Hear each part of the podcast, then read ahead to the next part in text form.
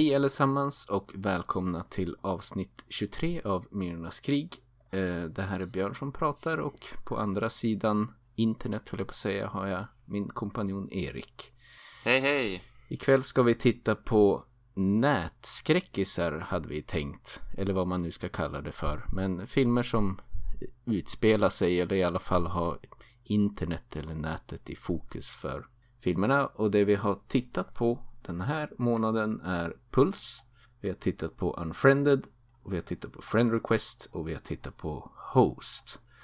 Men eh, vi kommer att prata om det mera sen. Men först vill jag höra Erik, hur är läget med dig?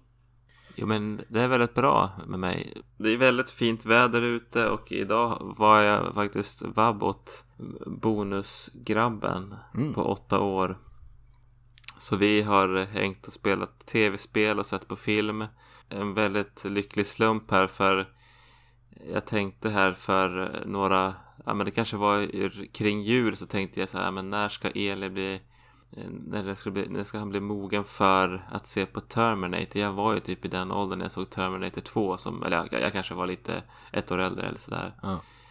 Eh, så tänkte jag, men det kanske är lite tidigt. Så jag la det där på is. Jag tänkte, ja men det blir om något år. Och sen så hörde jag bara för några dagar sedan så tog han upp det. Bara, ja men jag vill se på Terminator. För han hade hört på fritids någon av lärarna skojat om det. Så då var han väldigt taggad på att se den. Eh, sagt och gjort. Vi såg Terminator, The Terminator från 1984 idag. Okej, okay. hur kände han? Terminator 1 alltså? Ja, Terminator 1. Mm. Men jag tänkte, man måste ju se, jag, jag känner ju att man måste se ettan först egentligen. Jag såg ju tvåan först och det sabbar ju lite grann. Men mm. visst, han fick se ettan först som egentligen är lite tätare och framförallt lite mörkare. Jag var tvungen att på ett pedagogiskt vis för, förklara lite grann tonen. Vad var tonen i film är? Det abstrakta begreppet ton. Ja, precis.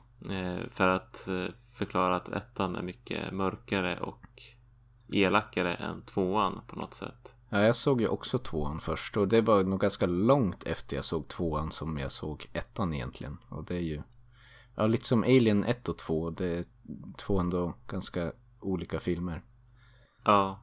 Nej men jag tycker Terminator 1 och 2 är ju Berättelserna är rätt så lika varandra men det är just i hur, ja men dels ja, det är inte lika dystert i tvåan och det är mycket mer humor i den. Mm. Som gör att den är ju lättare för en ovan eller lite yngre tittare att ta till sig. Men Eli tyckte han var ju jäkligt uppe i varv och han var ju, han var, jag var ju som jävligt glad att ha sett den. Det var ju som vissa grejer som var bara, åh det var så läskigt när när det här skelettet gick mot dörren i slutet. Det såg så läskigt ut liksom. Mm. Men han sa det på ett sätt som att så här, shit det här var häftigt liksom. Mer, han tyckte det var läskigt och han tyckte det var härligt. Vilket bådar gott för en framtida skräck. En framtida kompanjonmyra kanske. En liten myra. Nej men så han var ju, han, ja han var jävligt, han tyckte det var bra. Han var till och med jumpscarad inom citationstecken, jumpscarad någon gång där. Det är ju, det, det är ju, den är ju rätt skräckig ja, i vissa Absolut. hänseenden. Sen så kanske den mer är skräcknära än en skräckfilm. Men det är inte många ändringar man behöver göra i den filmen tror jag för att det ska bli en skräckfilm egentligen. Så det gjorde vi idag. Läget med mig är väl ganska bra egentligen. Fast det har varit en, eh, en ganska tuff månad tycker jag. Vi berörde det förra podden och det fortlöper fortsatt med vårat husletar. Ja, kaos höll jag på att säga. Men vi går på massa visningar och håller på med budgivningar här och där. Men det känns lite hopplöst ibland. Det är en tuff eh, bostadsmarknad i Umeå. Där vi bor. Och ja, man har inte så mycket marginaler när det alltid spårar ur alla budgivningar. Och det blir lite emotionellt utmattande att gå på så mycket visningar om man skapar liksom husdrömmar som grusas gång efter annan. Ja, det är påfrestande. Ja, men vi kör väl på. Vi har några objekt på in the pipeline så att säga, men faller de igenom då får vi kanske ta, ta en liten paus och, och andas ut ett tag och bara leva och må. Eh, nu, men den här månaden som har varit har varit typ jobba ta hand om Greta, våran dotter och eh, gå på visningar. och hålla på och ringa runt till bank och mäklare och ditt och datt. Men jag, jag, behöver ett litet andrum tror jag efter de här, ja, några objekten som vi har kvar och, och fundera kring om vi ska kasta oss in i budgivning på. Mm. Får vi se då. Nästa, nästa podd då kanske jag har uppdatering att antingen att vi har gett upp eller att vi har köpt ett hus.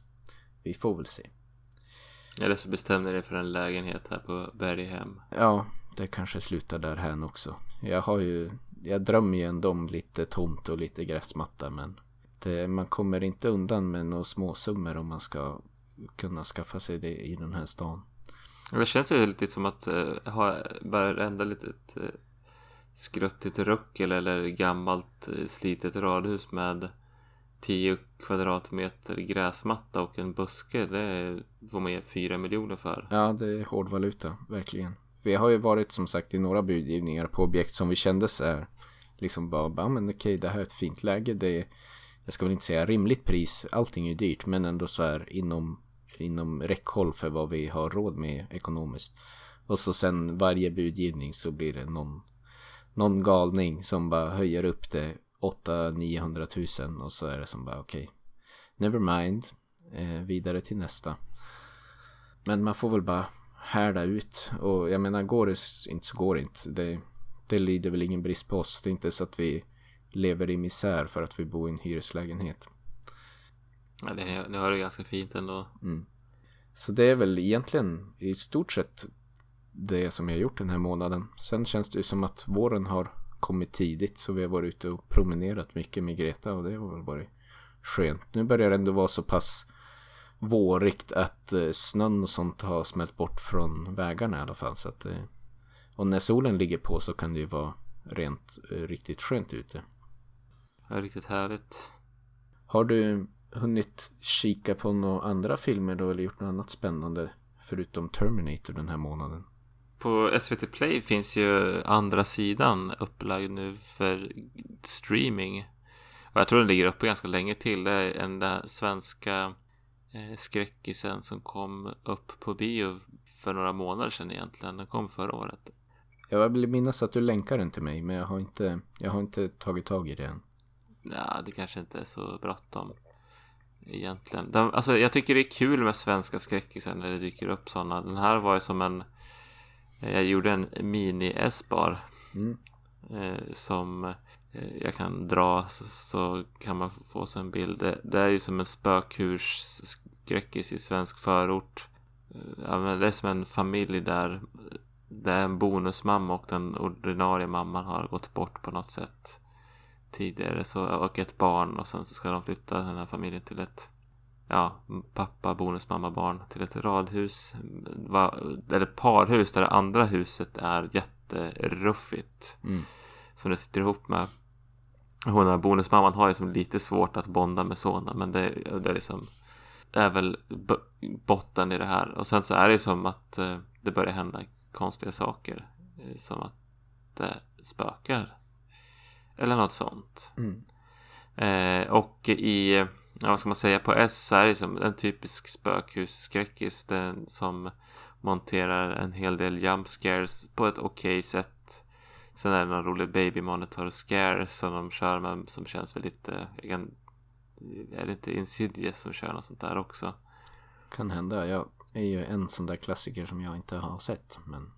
Nej, just det. Det var jättelänge sedan jag såg den så jag vågar inte ta gift på det. Men det, det, de tar klyschor och gör, gör det habilt men det blir inte så fantasifullt. Eh, på B så som sagt väldigt klyschigt. Det, barnet ritar figurer med kritor. Vänner som inte någon annan känner till. Bla bla bla.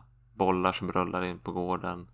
Eh, har lite svårt med att de det är inte så mycket mer än den här bonusmamman som blir uppskrämd för saker och det här barnet som ser saker som ingen annan ser. Ja. Jag hade gärna sett lite mer nystande och lite fler köttiga karaktärer och lite mer i relation till den här biologiska pappan som är jättemycket borta i jobb och det är som väldigt lite manus i den här. Där man hade fått skriva den bättre. Ja, på A halvtaskigt ljud filmmusiken har jag inget minne av. Den hade digitalblåa filtret. Classic. Det är ljussättning som är typ att de har aldrig tänt en lampa inomhus fast det ska vara natt och fast det ska vara natt så är det också jäkligt ljust utomhus och ljuskällan kommer utifrån. Men de, ja, det är jätteirriterande. Det tar bort det suspension och disbelief rätt ordentligt för det känns som att de vill verkligen få det att se mörkt och kusligt ut men Det blir lite övergjort när man som, ja, när det känns, det kan göra att det känns väldigt mycket som att man tittar på en film ibland. När ingenting känns liksom rimligt i ljussättningen och allt sånt där fungerar. Utan det känns verkligen skapt för att försöka skapa en otäck stämning. Men det kan misslyckas ganska mycket tror jag när man gör det så. Ja men precis. Så det, det stör mig på. Så, det, det är ju samtidigt ett jättevanligt problem tycker jag i skräckfilm. Jag stör mig på att folk aldrig tänder lampor. Mm. Så. Men det som är, ja men det är kul med en svensk skräckfilm. Den var eh, okej. Okay. Alltså jag, det var inte bortkastade minuter. Men eh, har man eh, möjlighet så skulle jag rekommendera Besökarna istället som är annan svensk hemsökt husskräckis med Kjell Bergqvist, Lena Endre och Johannes Brost och ett mycket roligare manus. Säkert en ganska bra double feature att se båda de filmerna och jämföra men jag tror Besökarna är ju i, i mitt tycke en betydligt mer sevärd och underhållande film. Ja, jag tycker det finns utrymme i svensk mytologi, eller vad vi ska säga, fornnordisk mytologi för att kunna skapa något intressant och unikt när det kommer till skräckfilm. Men eh, det verkar, det lyser med sin frånvaro. Det lilla som kommer tycker jag tenderar brukar vara mer att man hakar på någon trend från väst. Det var väl en del svenska typ slasher som kom i den här new wave-vågen på 90-talet också. Försöker tänka vad annat jag har sett. Den enda svenska skräckfilmen jag kan komma på jag såg som jag ändå tyckte höll upp och står sig ganska bra när jag har tittat om på den är den här Hette den Det Okända eller någonting? Som är gjord verkligen på shoestring budget men ändå rätt okej okay, tycker jag när jag har sett om den. Den, den, är, den duger. Sen är väl i och för sig inte den på något sätt unikt fornordiskt. Liksom det är väl ganska standard på sitt sätt. Den kommer säkert i kölvattnet på Blair Witch Project kan jag tänka mig. Då den har mycket mm. likheter. Mm. Men, men den gör det ganska bra. Det den gör i vart fall. Nej men jag vet inte, jag tycker som svensk, jag men, det som jag skulle vilja ha i svensk skräck, jag är inga, ja men fornnordisk mytologi för all del, men att man gör det, att det liksom står med fötterna i någon svensk vardag, men låter det komma in har i och för sig det, men mm. och besökarna tycker jag också har lite grann, men att man, man känner, att jag kan känna att man hittar någon svensk bra ton i det. Mm. Alltså det behöver inte vara, monstren behöver inte vara Svenska. Svenska, men eh, det kan få vara ett spökhus eller en slasher för all del. Men att man sätter den i en svensk miljö och gör det bra med roligt skrivna karaktärer så kan ju det bli spännande att se. Jag låter Rätte komma in var ett ganska bra exempel. För de, de lyckas väl ändå med det eh, på många sätt tycker jag. Sen kunde jag ändå inte hjälpa att vara lite besviken när jag såg den. Tror jag mycket för att jag har läst uh, typ alla hans böcker och gillar dem väldigt mycket. Och höll det lite grann som standarden som jag jämförde filmen mot.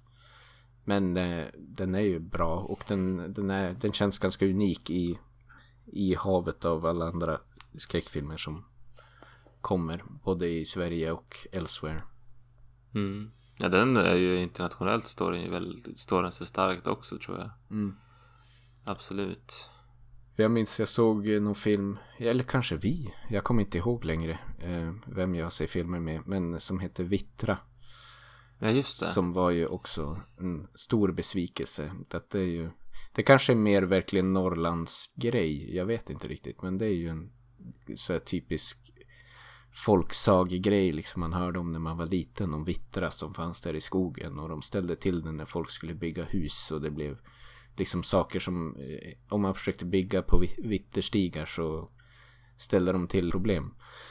Eh, och det kändes som att det, där fanns det en ingång för att kunna göra någonting ganska unikt som kändes rätt intressant. Ehm, och så här, inte, det behöver inte vara overkill som kunde vara så här ganska subtilt. Det kunde liksom säkert kunna varit någon sån grej, liksom vi ska bygga något hus här och så kommer exposition guy och varnar dem för vitterstigarna och sen börjar liksom trubblen. Men så var det ju bara typ några ungdomar som får ut till en stuga och så kommer det zombies typ. Men de kallar Ja. det bara för vittra för att I guess catera eller så här, promota det mot mig I guess och andra som har växt upp med de här sagorna och tänkte bara åh en film om vittrorna. Så, men nej, det var det inte. Det var lite synd. Ja, Jag har inte sett den så det, jag tror du måste ha sett den med någon annan. mm. Jag är nyfiken på den. Men det kanske vi får ta när vi gör våran jorden runt-resa, gör en hemester någon gång. Jag har sett The Call äntligen. Vi nämnde det briefly tror jag. Eller du pratade lite om den för två Ja. poddar sedan. Och tjöt om att jag borde se den. Men det är ju en sån där jag tycker ändå är sevärd. Jo, och det får jag väl ändå säga att den var. Men den var inte alls vad jag på något sätt hade målat upp i min fantasi att den skulle vara. Men den är sevärd. Eh, Jag hade nog ganska högt ställda förväntningar som inte riktigt införlivades. Jag gick ifrån den lite besviken. Men det var nog för att jag också förväntade mig väldigt mycket när du hade rekommenderat den och jag vet att jag brukar gilla koreansk film i allmänhet och koreansk skräckfilm i synnerhet väldigt mycket. Men det var inte helt utan problem tyckte jag. Det bygger ju mycket kring tidsresor som alltid blir lite weird. Eh, inte bara den här filmen utan många filmer som har liksom tidsresor som en hook. Ja, de, det blir lite mycket paradoxer och saker som jag stör mig på när jag tittar på sådana filmer som det, man måste bara acceptera och följa med på resan men jag kan inte hjälpa att jag sitter där och funderar men skulle det här verkligen funka så här? Och vad händer med den här karaktären om man ändrar det här i den här situationen för ja whatever. Jag överanalyserar sådana filmer tror jag och förstör dem lite grann för mig själv men den var bra ändå får jag säga om jag ska ransaka mig själv. Men jag hade ställt förväntningarna i skyarna och riktigt så bra var den inte. Det tycker jag inte. Så den, har man Netflix så kan man kolla upp den utan att det är bortkastat. Absolut, det göra. Sen på tal om Netflix så kom ju även The Block Island Sound. Ja, just som det. jag passade på att riva av när den dök upp i mitt flöde. Eh, den var ju dock en ganska stor besvikelse vill jag säga. Jag tyckte trailermaterialet var väldigt lockande. Det antydde att jag skulle få se något Lovecraftianskt.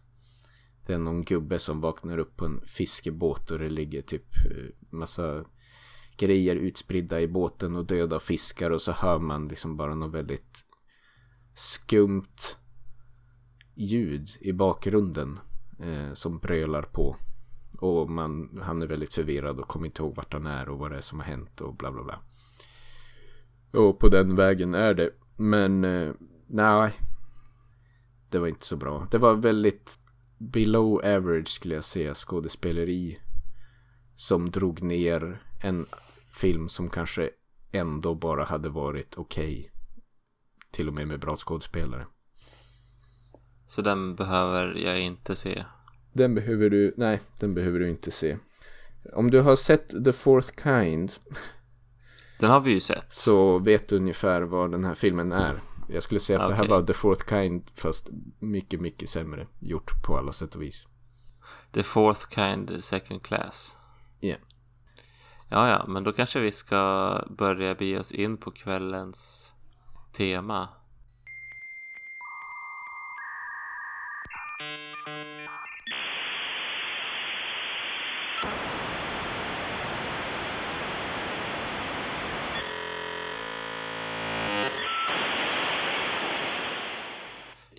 Med ta- med tanke på de filmerna och det vi ska prata om så är det nästan lite triggervarning. Kanske inte så mycket, men det är första gången jag känner det när vi pratar.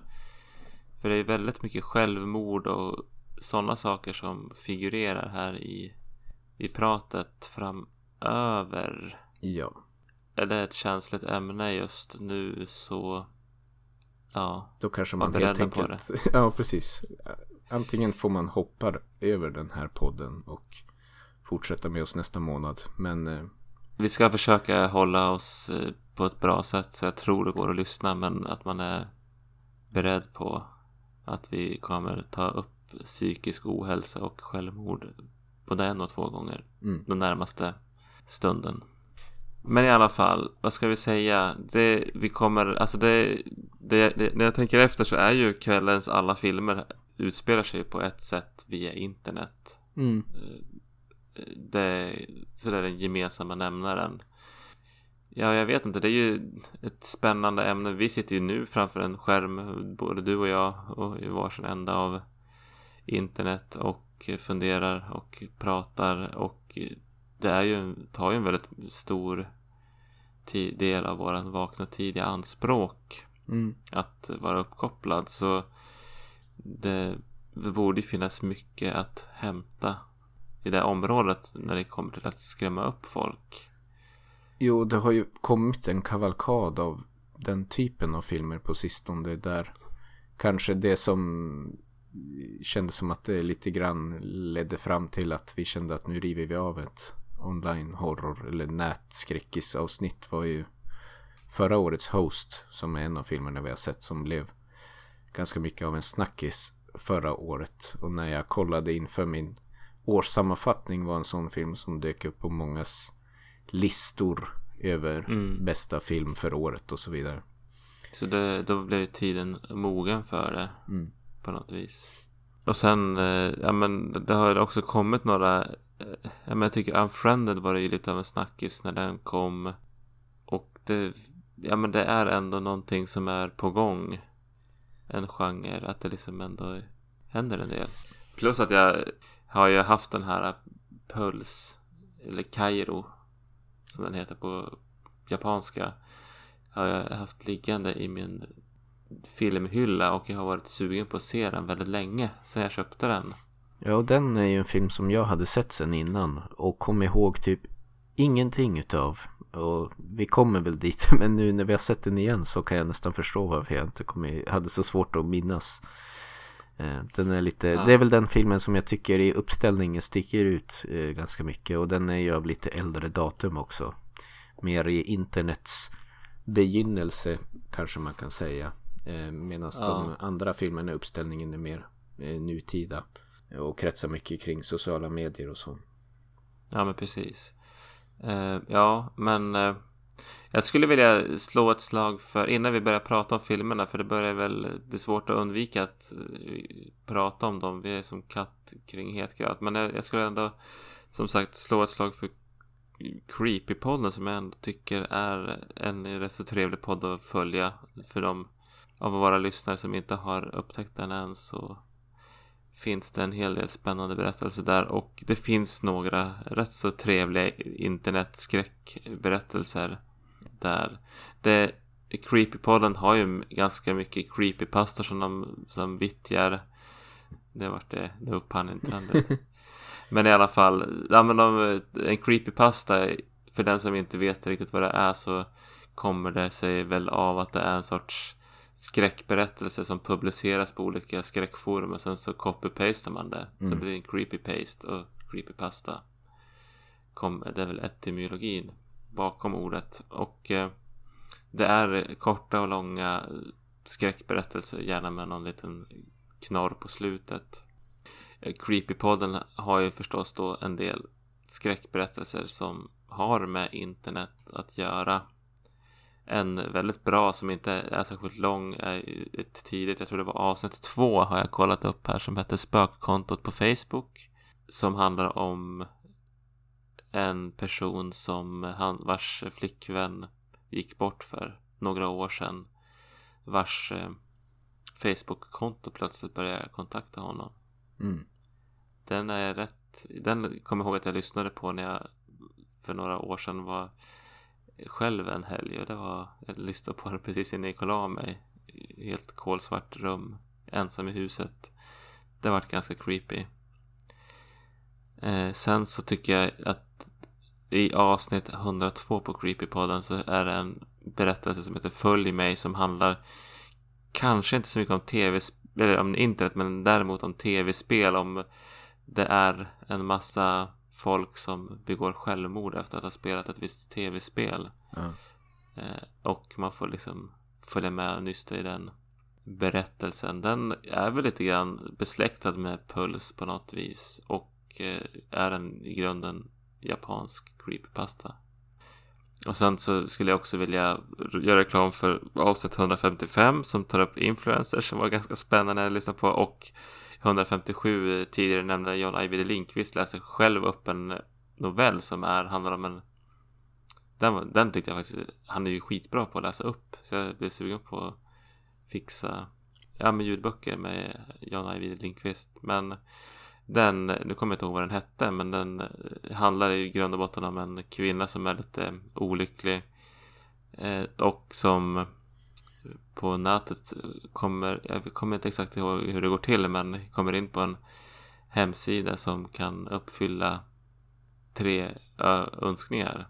Bara hon skriver i dem på hemsidan och sen så tar det skruv därifrån. Ja, just det. Jag brukar få sådana pop-ups ibland, men jag, jag brukar bara klicka bort dem. Jo. Men han är John Ajvide Lindqvists eh, svenska vardag i Yeah. sitt esse. Ja, men den, den ska jag, av de här berättelserna så tycker jag att nästan den är den bästa. Men alla är värda att lyssna på om man har lite att lyssna på just nu.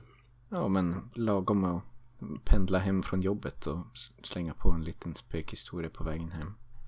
Jo, de är som lagom långa, de flesta. Mm.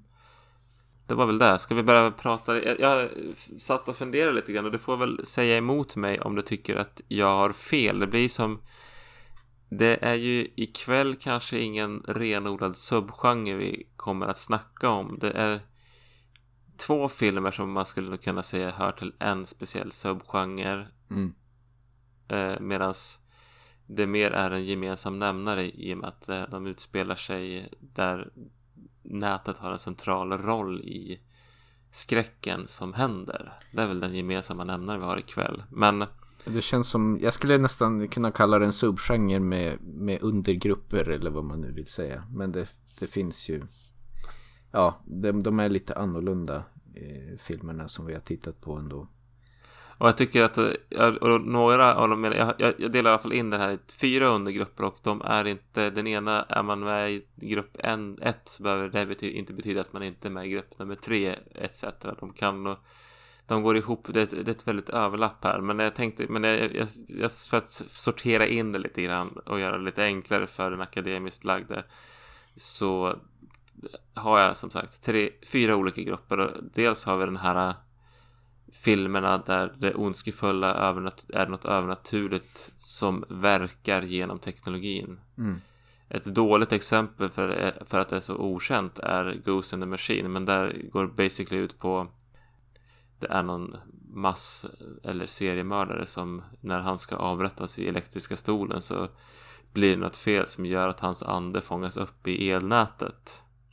Och så begår han en massa mord på det sättet genom elektriska maskiner och ditt och datt. Ja, Eller Cam som kanske är på gränsen men där handlar det om en sån här um, sexarbetande kvinna som är en camgirl som är en strävare och går in väldigt seriöst för att bli väldigt bra på att vara en camgirl och helt plötsligt en dag så är det någon annan dubbelgångare. cam ja precis en dubbelgångare som gör precis samma sak har du sett den? Nej, men den var rätt upphaussad. Den är inte jättegammal va? 2019 Nej, eller den- något sånt. Ja men den kom för ett par, jag såg den för ett par år sedan. Mm. Men det, och jag vet inte om dubbelgångare, den för mig, jag läste in den som att det var något övernaturligt över den. Men jag Ja. vet inte. Just det. Ja, så jag kan ha fel. Så där något visst är något lärde. Men ja, Unfriended kan man väl säga. Och Host hör väl dit Mm. till den här gruppen, bland annat. Eh, sen så har jag en grupp nummer två är, ja men, nu verkar någonting genom nätet eller teknologin. Men det är faktiska eller det är saker som kan hända, det är inte övernaturligt. Mm. Det är människor, mördare, organisationer som verkar genom teknologin. Och i Open Windows till exempel, där är Elijah Wood som blir indragen i någon kidnappningshistoria och det är massa hackers och det, ja, den till exempel. Nätet, den här med Sandra Bullock från 90-talet, visst var den också en sån film? Oj. Det... Jag har ett vagt minne. Kan ha Okej, okay. jag kände som en sån där som du borde ha koll på, men det yeah. var inte så. Jag har inte heller koll på den, men jag såg den när jag var 15 mest. Nåväl, sen My Little Lie som jag Jag vet inte om du har sett den, det handlar ju om några som är med i någon sorts dokusåpa. Jo, den har jag sett. Ja, den är ju också hotet kommer ju från en organisation då mm. egentligen. Sen är min undergrupp nummer tre är att det är filmer som berättas genom teknologin som i sin tur finns i berättelsen. För att förklara sakerna hur jag tänker då är att folk använder sina webcams eller telefonkameror och så vidare. Eh, och man får liksom följa deras där de ser genom skärmen eller genom sin webcam. Mm. Och så berättas berättelsen genom där då. Så det är ju som en undergrupp i found footage-genren och jag tror att det till och med finns ett namn för det. Jag tror att det är computer screen film eller desktop-filmer. Open Windows hör ju hit och Unfriended Host och den här filmen vi snackade om utanför podden Searching. Ja, just det. Eh, är definitivt en sån film.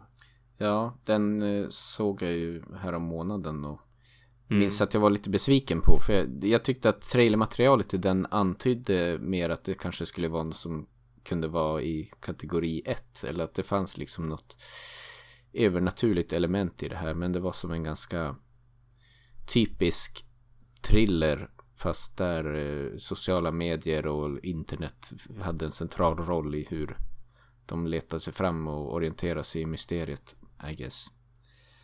Jag tycker den filmen, hur den hanterar greppet med desktop-berättandet, eller vad man ska säga, mm. gör den ju jättebra jämfört med många andra filmer kanske. Jag tycker att det fungerar jättebra, men sen att berättelsen i sig, det som händer, alltså det, det börjar spännande, men sista fjärdedelen av filmen tycker jag tappar väldigt mycket. Ja. Det är väldigt spännande men sen så när man får saker och ting förklarat så blir det så här Jaha, var det så här? I den här subgenren så skulle jag väl kunna baka in en till ännu mer obskyr subgenre men som jag vet att vi pratade om när vi diskuterade fun footage-filmer där det också finns ju typ YouTube-kanaler eller sånt som etablerar sig som en vanlig YouTube-kanal. Typ jag gör yoga-lektioner eller sånt där. Och så sen allt eftersom mer videos laddas upp så introduceras det liksom mer eh, creepy element eh, och övergår allt eftersom till att bli mer renodlad horror. Eh, fast genom mediet av typ då en YouTube-kanal eller en Twitter-feed eller ett Reddit-forum och så vidare. Till exempel, eh, om jag ska dra något exempel som vi vet vi båda sett så är Marble Hornets tycker jag väl eh, ett ganska känt exempel. Men det finns ju rätt mycket sådana typer av jag vill inte kalla det filmer, det är ju inte det. Men det blir ju som någon sorts typ av skräcknarrativ som man berättar online. I alla fall. Jo, och där finns det väl sådana som är lutar mer åt vanlig found footage som läggs upp på YouTube. Men det finns också sånt som är ännu mer digitalt på något sätt. Mm. Att det liksom är man får följa folk som klickar sig fram ungefär så. Mm. Men det är ju, jag tycker det är ju en på ett sätt spännande genre för att det känns som att den, smyg, den finns där ute men den serveras inte som vanliga filmer serveras med trailers och hås utan det här är någonting som kommer lite grann bakvägen in i ens flöde på något vis. Yeah. Som gör att det, och det är väldigt många amatörer som gör det så det finns säkert väldigt mycket där ute men det finns många guldkorn säkert som kan vara värda. Men jag har inte grävt ner mig där så mycket faktiskt. Jag har gått ner i några sådana där rabbit holes ibland. Och så finns det ju en del kanaler som är specifikt dedikerade till att plocka upp sådana här stories och eh, sammanfatta dem. Det är ju ibland berättelser som, som spänner över flera år av liksom uppladdningar och man integrerar communityn i narrativet. Att folk i kommentarssektionen liksom diskuterar vad som händer och driver, hjälper till att driva narrativet framåt. Så att ska man verkligen gå in i det så är det ju något man kan grotta ner sig hårt i. Men då finns det också de som mer arbetar med att sammanfatta historien och, och diskutera eh, materialet för de mer oinvigda. Som är väl oftast den ingången jag har haft när man har fått reda på sådana här saker som försiggår online. Ja, det känns ju som att jag, det, min brist är att jag liksom är lite dålig på att hantera till exempel Twitter har jag inte ens med YouTube och sånt där. Mm. Det vore nice att ha en, ja men hitta några sådana där kanaler och liksom veta att här kan det hända något sånt där. Samtidigt så är ju de bästa kanalerna är ju sådana som man råkar följa dem för att ja men det här är en som är bra på att göra smink och sen så i avsnitt 30 så börjar det hända någonting med den personens makeup-rutin. ja. Eller inte, förstår vad jag menar? Jo, att det, ja, liksom, absolut, det, det, att det bara smyger. Men det är som det här du visade någon som var någon sorts eh, grottutforskare som ja verkar, ja men jag filmar när jag utför, eh, gör lite urban exploring och sen rätt vad det är när jag ska göra reklam för någonting så fångar han upp något ljud som är lite skumt. Jo, och han har liksom 30 videos som är bara vanliga, nu går jag runt i grottor och gör min grej och promotar olika typ caving material. Och så plötsligt avsnitt 30 så tar det en dark twist. Det, ja jag vet inte, när man upptäcker något sånt. Det, det är ganska nice. När man upptäcker det på ett organiskt sätt. Inte att någon liksom pekar ut det åt en. Typ. Precis, när man bara hoppsan, vad, vad är, när man inte är med, man har garden nere på något sätt. Mm. Nåväl, sen har vi en fjärde grupp som vi inte kommer alls beröra idag. Nu tänker jag hoppa vidare på den här kategoriseringen för akademikerna i lyssnarskaran. Och det är väl lite av en bubbla och de exemplen jag har.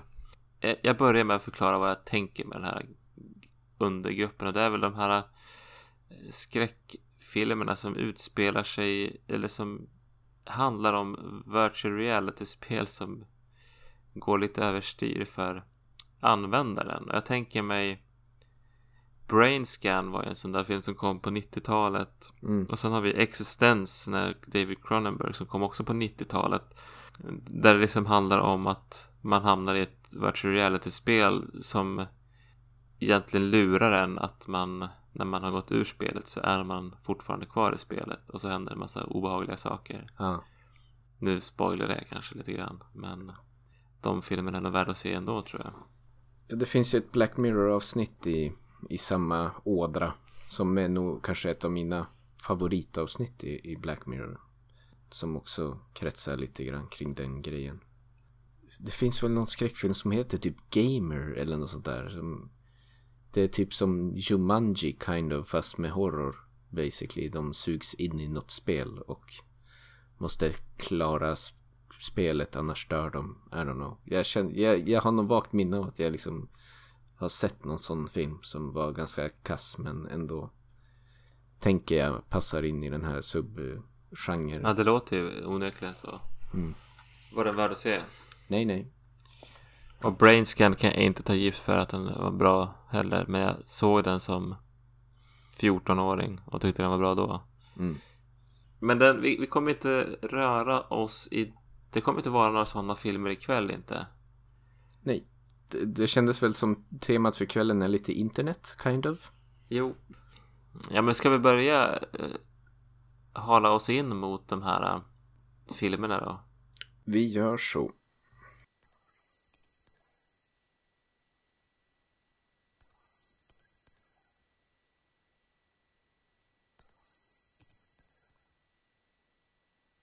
Puls eller Kairo från eh, Japan 2001. Manus och regi står Kiyoshi Kurosawa. Ej släkt med eh, Akira Kurosawa. Överhuvudtaget. Mm. Måste få höra det ofta. Men i alla fall. Jag har inte sett vad jag vet någonting annat som han har gjort. Han hållit sig både i thrillers och drama. Men han har bakom sig i skräckfilmsvägar i Cure och Creepy. Eller Kuripi som den heter på japanska. Och jag tror han kanske har gjort några andra skräckfilmer också. Och sen har han gjort Tokyo-sonaten, eller Tokyo-sonata. Mm. Eh, och det finns eh, någon amerikansk remake med två stycken uppföljare till, till den. Men det finns bara en japansk version. Jag tyckte det var jättesvårt när jag satt och försökte skriva synopsis häromdagen. Att få det på ett sammanfattande, väl sammanfattat sätt. För det är rätt så otydligt ändå. Men jag har försökt, här, här kommer den. Jag, jag, gör ett försök. Så håll i hatten nu. Så får du hojta till ifall det blir urspårat. Det blir bra. Eller för korkat. Det är väl snarare det som är risken. Eh, men via internet verkar folk komma i kontakt med andevärlden och spöken. Och snart börjar spökena komma in i våran värld. Och människor verkar i takt med detta påverkas väldigt starkt och destruktivt. Vad säger du om den? Ja, lagom synopsis. Särskilt som det känns som att filmen ganska medvetet gör det lite rörigt och förvirrande och man har svårt att få något riktigt grepp om allt som händer hela tiden. Men jag tyckte det var en bra sammanfattning. Jag tänker lite grann att den här filmen är gjord på ett sånt sätt att man får bara acceptera att det är lite så här mm. och sugas in i den. Mm. Ska vi köra igång med S-bar på en gång här? Vi, vi smäller av s tänker jag. Ja. Vad har du? Ja, alltså den här filmen på ett positivt sätt tycker jag. Det är ju inte så mycket in your face horror utan det är mer att den bygger upp en väldigt långsamt en liksom olustig krypande creepy stämning som som bara ligger där som en våt filt över en känns det på något vis som genom hela filmen. Ja, precis. Är, jag tycker den, det är ju som, precis, hela, allting är genomsyras av att det är så, det finns väl inget bra svenskt uttryck kanske för, men det uncanny mm. på något vis. Det tog ju nästan ett tag också när vi såg den minns jag för oss att riktigt sätta fingret på varför det kändes så. Men det utspelar sig i Tokyo tror jag. I alla fall i en väldigt stor japansk stad. Och så, men det är väldigt avskalat allting. Få karaktärer, lite bakgrundsljud. Och de är ute och springer där på gatorna och det är liksom knappt någon annan människa som rör sig. Och bara den bakgrunden av en stor stad som är helt liksom tyst och lugn skapar en väldigt overklig, obehaglig känsla som genomsyrar hela filmen egentligen. Men befin vi befinner oss väldigt mycket hemma hos folk. Mm. Och i folks hem så finns det också någon sorts så här obehaglig stämning. Alltså hela, ja men allting, varenda liten filmruta känns det som att man har monterat rekvisita och skådespelare på ett sånt sätt att som skapar någon stämning av undergång liksom. En annalkande apokalyps nästan. Ja. Så det är väl det som är egentligen det centrala. Det, det blir som en sorts starkare existentiell ångest vad du lider ja. i den här filmen. Och eh, det finns ju några riktigt bra spökerier i den här filmen också. Ja. Det är ju inte bara stämning utan det är det händer saker som är jag tycker det finns några riktigt bra spök scares i den. Jo, men och det är scares som är så pass bra och effektiva för att de används sparsamt. Ja. Och kryper upp sig på en även då. Du nämnde The Ring liksom. Det är inte någon som hoppar fram och skriker bö utan det man ser det komma men det gör att eh, jag vet inte, det blir nästan ännu mer obehagligt på något vis. Jo, jag jag, satt, jag satt och tänkte på den här eh, scenen vid soffan om du minns den. Det är väl den mest kända utav dem. Jag har tänkt på den. Mm. När det är en person som går in i ett av de här eh, rödtejpade rummen som man ska The Forbidden The Forbidden Room av oklar anledning. Eh, och eh, som eh, där, ja men, det är ett ganska mörkt rum. Och någonstans där i skuggorna dyker det plötsligt upp en kvinna. Och det är liksom inga speciella effekter med den här kvinnan. vid en första anblick men när hon rör sig mot kameran som är helt stillastående tror jag så märker man ju att hon rör sig väldigt off. Man ser aldrig ansiktet förutom i någon något ögonblick när hon de snubblar till lite halv mm. oförhappandes. Och sen så försvinner ansiktet igen. Jag, jag, jag, jag har analyserat den scaren för jag har sett den. Jag var tvungen att se om den några gånger. Vad, vad det var, för den var väldigt, väldigt krypande. Mm. Och det, att den, ja men de har ju som filmat på något sätt i slow motion. Eller det är någonting som gör att det ser väldigt onaturligt ut. Även fast det bara är en vanlig människa som går där. Ser det vid första anblicken som sagt. Det är någonting som, jag fick nästan så här känslan, har de, har hon typ gått baklänges och så har de spolat det framlänges. liksom no, någonting blir weird i hur hon rör sig som gör att man får bara en väldigt obehaglig känsla. Ja.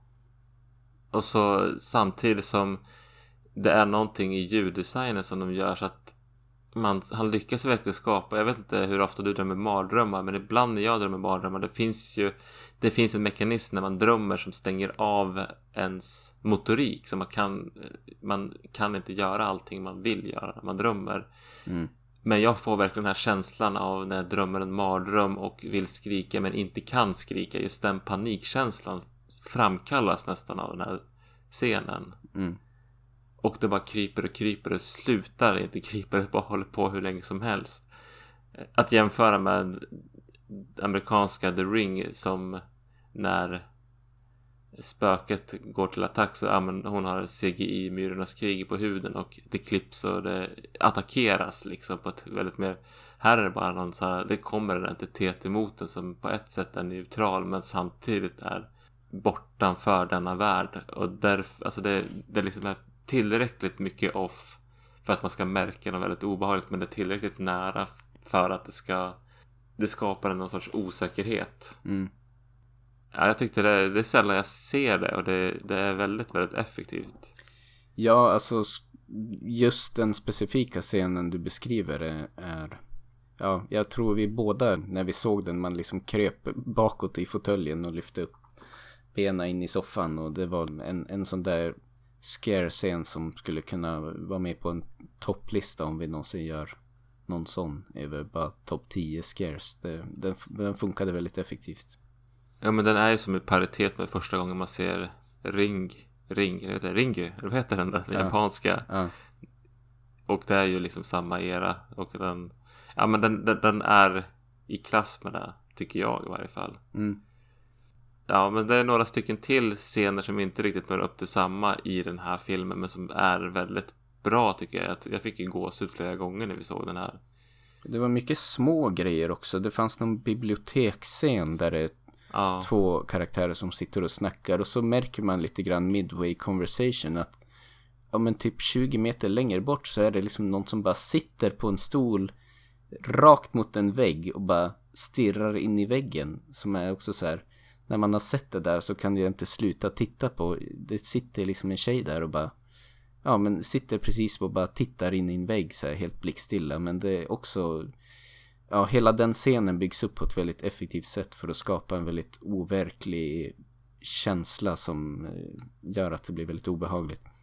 Ja men statisten har så fått så instruktioner om att vara helt still. Alltså så här, placera. Jag, jag håller med. Det där la jag märke till också. Att jag som det händer saker och det är sånt som man kanske lätt kan missa men det är som saker och ting som är verkligen utanför berättelsen som bara är knepigt. Mm. Ja, det är snyggt. Sånt där gillar jag. Ja, jag tror egentligen inte jag har så mycket mer att säga på S specifikt men sammanfattningsvis så tycker jag att den, den skrämmer bra och på ett sätt som känns i kavalkaden av jumpscare horror som väldigt fräscht och nice att se det här mer långsamma obehaget som byggs upp i den här filmen. Ska vi hoppa vidare på B? Det känns som att vi börjar glida därhän lite ja. grann ändå. För mycket av scare, det som skrämseln i den här filmen ligger ju också lite grann i berättarstrukturen. Jo, men när man, när man nu kommer till B och eh, så är det ju egentligen, det är ju som två parallella historier man får följa i början. Det är som två grupper människor.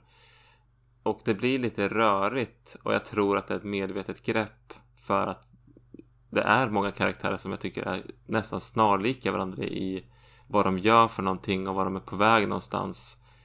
Ja, lite rörigt skulle jag vilja påstå var en underdrift. Men det, som du säger, det känns väldigt medvetet gjort.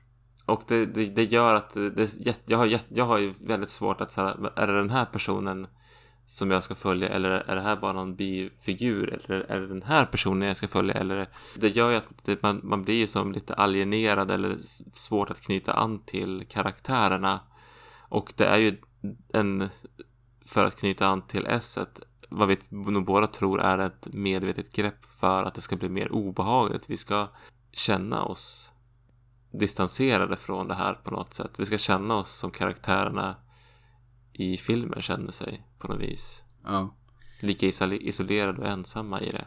Ja, jag tänkte säga det, det centrala temat någonstans är, kretsar väl lite grann kring isolering och ensamhet. Och det kändes som någon sorts eh, lite framtidsspaning kan kanske nästan kom med. Att det är någon, ja de är väl på något internetcafé eller vad det är. Om det är på någon skola. In, och då, det är någon inom citationsteck IT-experten i, i sammanhanget som pratar om det där då. Att folk tänker att de ska koppla upp sig och få nya vänner och när man går online så blir allt så bra men egentligen så är vi fortfarande alla bara ensamma och isolerade och sitter framför våra skärmar typ.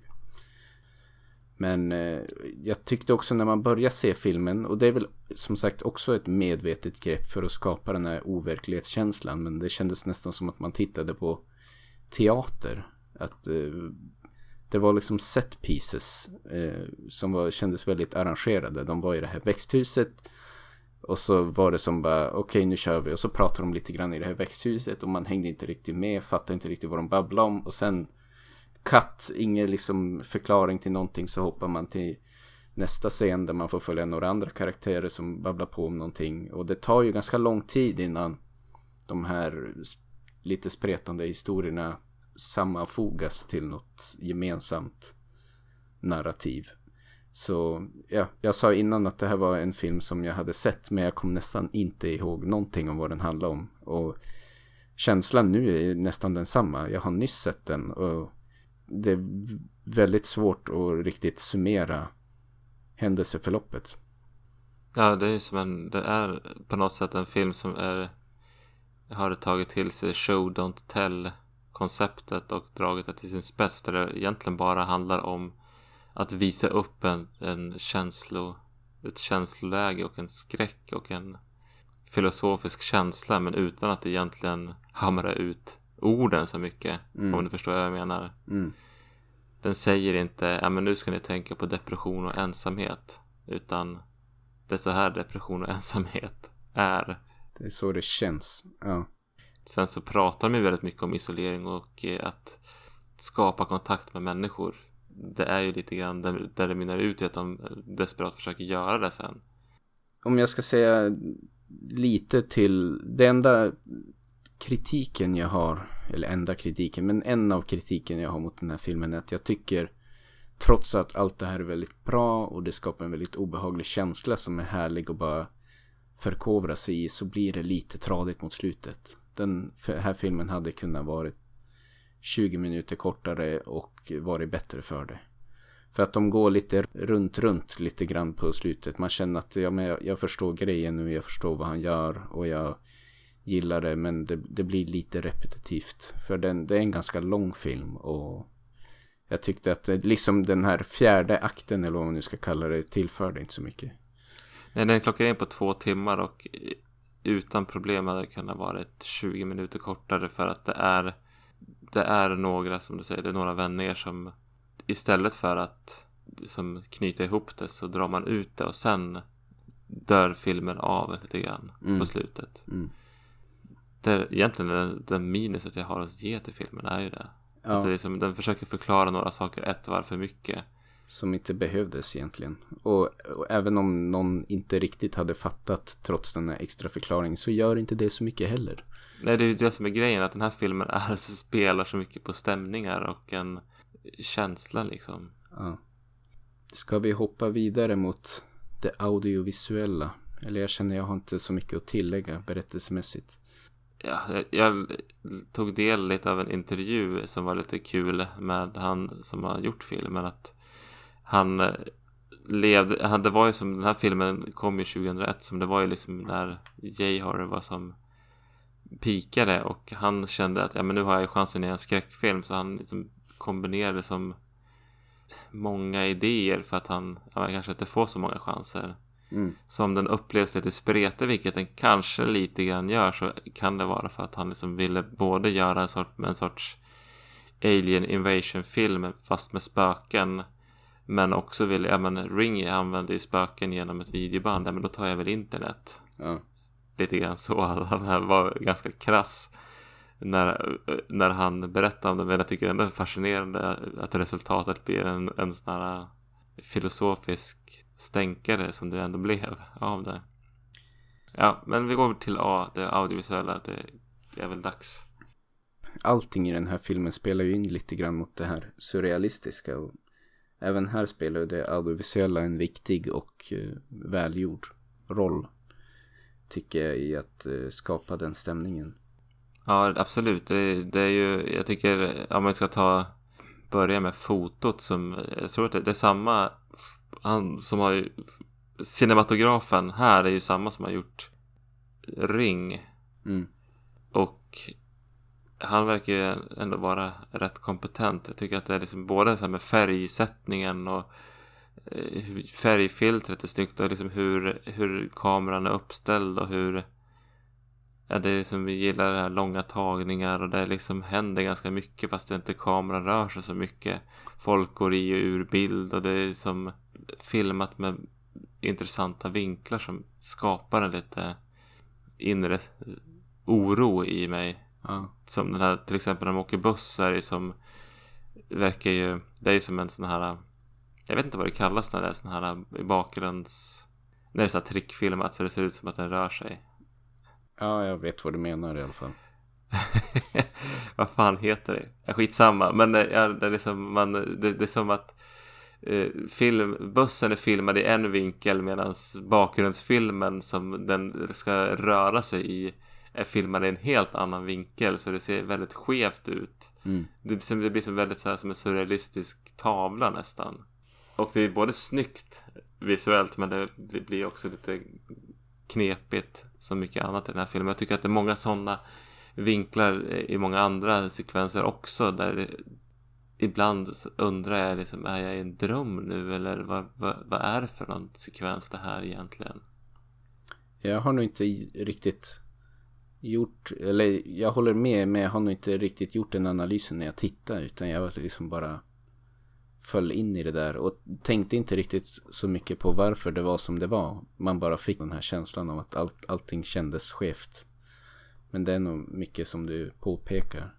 Sen tyckte jag också att, eller jag i alla fall la märke till att ljuddesignen spelar ju mycket in i det där också. Att det var ofta miljöer som man förväntar sig. Det skulle vara mycket bakgrundsljud och andra folk som pratar men det var oftast väldigt mycket bara fokus på precis de två karaktärerna som pratar och så är det som att omvärlden är avstängd på något vis. Man hör nästan inga bakgrundsljud alls. Eh, och även i soundtracket eller de gånger som det var musik så kunde det vara liksom nu är det musik, nu är det inte musik. Det är som väldigt konstigt hur det är klippt in och plötsligt försvinner musiken och sen är den där igen. Och ja, jag vet inte. Hela... Jo, att den, eh, det blir som en väldigt abrupta övergångar som skapar en effekt. Mm. På något sätt. Sen så tycker jag att jag, jag vet att det kanske är en efterhandskonstruktion men jag tycker i början så kunde man ändå så var det mer ljud i bakgrunden. Att man kunde, jag, jag tyckte i ett tidigt skede så stod de där på ett hustak i den här blomsteraffären som är en del eh, där vi återkommer i handlingen flera gånger i början så kan man liksom ändå höra ganska mycket trafik och liv från en stad. Men det är bara i en scen det är så. Sen är det totalt stiltje i bakgrundsljudet. När de är på samma plats. Ja. Så att det, liksom, det, det, berättar om ett större skeende på något vis, tänker jag. Men sen så är det som du säger att det, ena stunden så är det musik och sen så blir det som tvärtyst. Och så hör man typ någon väsande spökröst be om hjälp. Mm. Och sen så är det på med någonting annat eller som den här kvinnospöket som jag pratade om i den skrämselscenen så märker man att jäklar vad tyst det blev. Eller vad tyst den är. Mm. Det är en väldigt bra ljuddesign. Det sa du ju kanske när vi såg filmen under tiden. Att vi, eller vi konstaterade det. Att det var otroligt väl genomtänkt och välgjort ljud på den. Jag har bara beröm tycker jag på det audiovisuella. Det är ju det är mycket det som gör filmen liksom. Eh, och de gör det väldigt, väldigt bra. Jag har liksom inte gjort någon superdjup analys av mycket. Alltså jag skulle behöva se filmen tror jag två, tre gånger till innan man liksom riktigt kan pinpointa vad det är som skapar eh, vissa specifika effekter.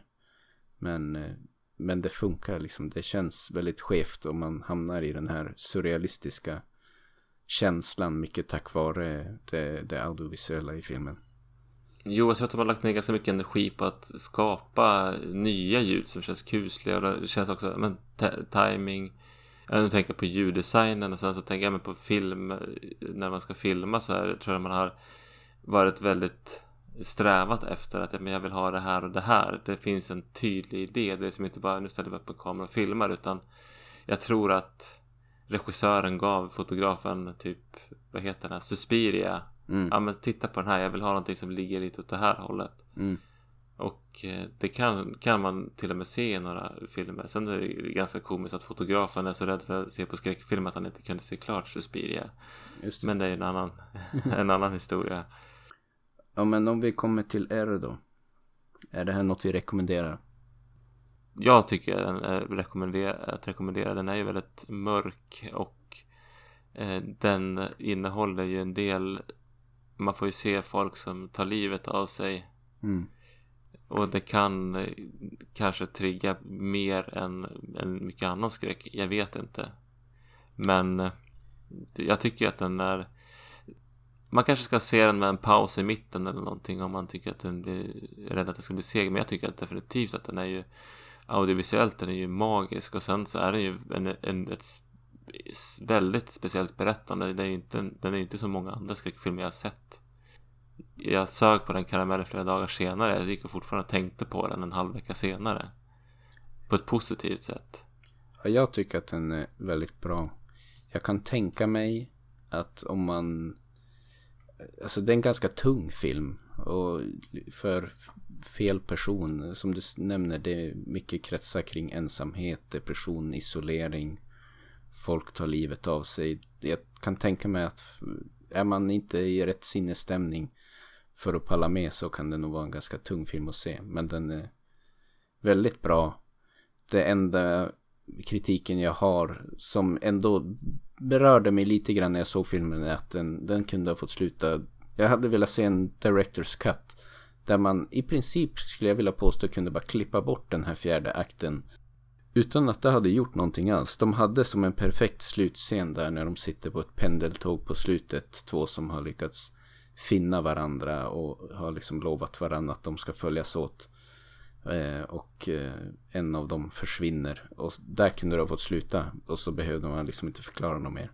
Då hade det varit perfekt. Men de eh, kör på ganska lång tid till som jag kände blev lite tradigt. Jo, men det som, enda som jag tycker den här sista delen tillförde som kanske behövdes men som vart utkavlat på väldigt lite för lång sträcka är ju det finns ändå någon sorts optimism i slutklämmen. Mm. Som på något vis ger en lösning på problemet. Kanske. Men eh, nej, man hade kunnat kapat slutet på det där tåget. Eller kapat filmen där och haft slutet där och så hade det fått vara. Det hade det inte gjort så mycket. Men på det stora hela en stark rekommendation. Men var beredd på att det är en, det är en ganska lång film. Eh, den är ganska speciell och den är, rör ganska mycket tunga ämnen att ta sig an.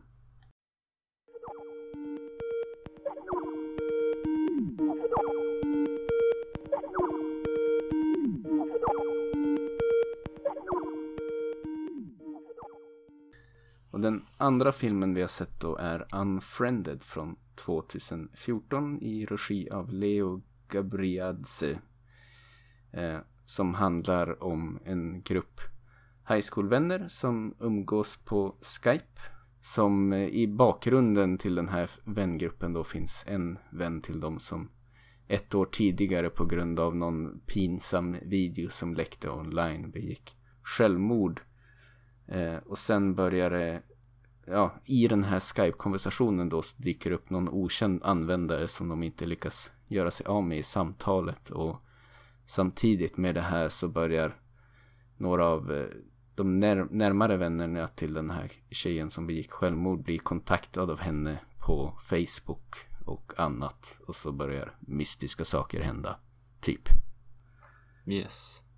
Och det här, jag måste dra en, en anekdot från mitt eget liv. Jag hade en, det här var ju jättelänge sedan så det här var ju som innan Skype fanns. Det här var för 16-17 år sedan så hade jag en vän som blev psykiskt sjuk. Han skrev en, det började egentligen att man märkte att han blev psykiskt sjuk började med att han skrev väldigt konstiga saker på chattprogrammet ICQ eller vad det heter. Jag vet inte om du, ICQ i dagligt tal. Och eh, ja, men vi, vi var rätt, var, för mig var han en ganska ny vän så jag visste inte riktigt vad jag hade honom. Så jag var inte så vaken på det men vi var ändå sådana som var, vi var på väg att bli väldigt nära vänner när, det här, när han blev sjuk. Mm.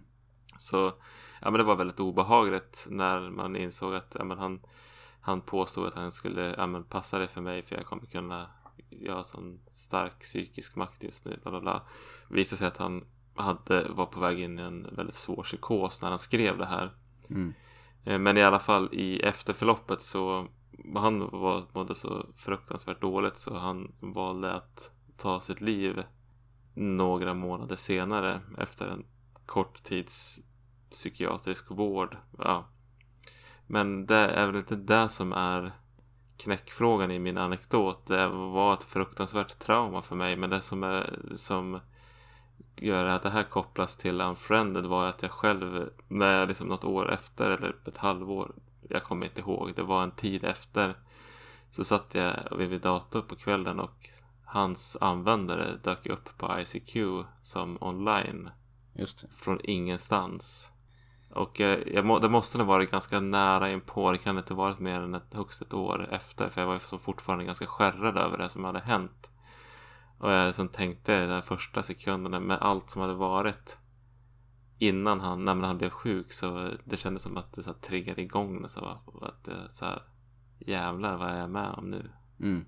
Men det visade sig att det var hans brorsa som hade ärvt hans dator som bara startade igång den och skulle ja, så men det var väldigt, väldigt obehagligt.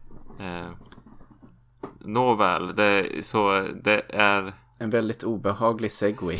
en, en, obehaglig, en väldigt obehaglig segway men det, det var verkligen någonting som jag kom att tänka på när jag såg den här filmen. Att det, så här, det här vad ska man säga? Det, det här känns, det, det, det, för mig som slog det an en ton på något vis Ja. i den här filmen. Ja. Just handlingen. Nåväl. Ja men det, det, var, det var, jag tyckte det var en bra synopsis där. Ska vi gå in på S-bar så vi inte grottar ner oss för mycket i mina psykiska trauman. Vi gör så. Och ja, vad ska man säga om S på den här filmen? Det var väl inte så bra tycker jag. Sättet den vill skrämmas på är ju som liksom filmen är det här online-samtalet och man följer hela händelseförloppet genom en dataskärm. Och mycket av scaresen är liksom otäcka saker som händer på deras webcams. Eh, med de här, den här vängruppen typ. Det var en ganska slow build-up vilket jag på sätt och vis uppskattade. Men sen payoffen var, var väl inte så där jättebra tycker jag. Det, scaresen kommer ganska annonserat. Och eh, är inte så himla effektiva tyckte jag.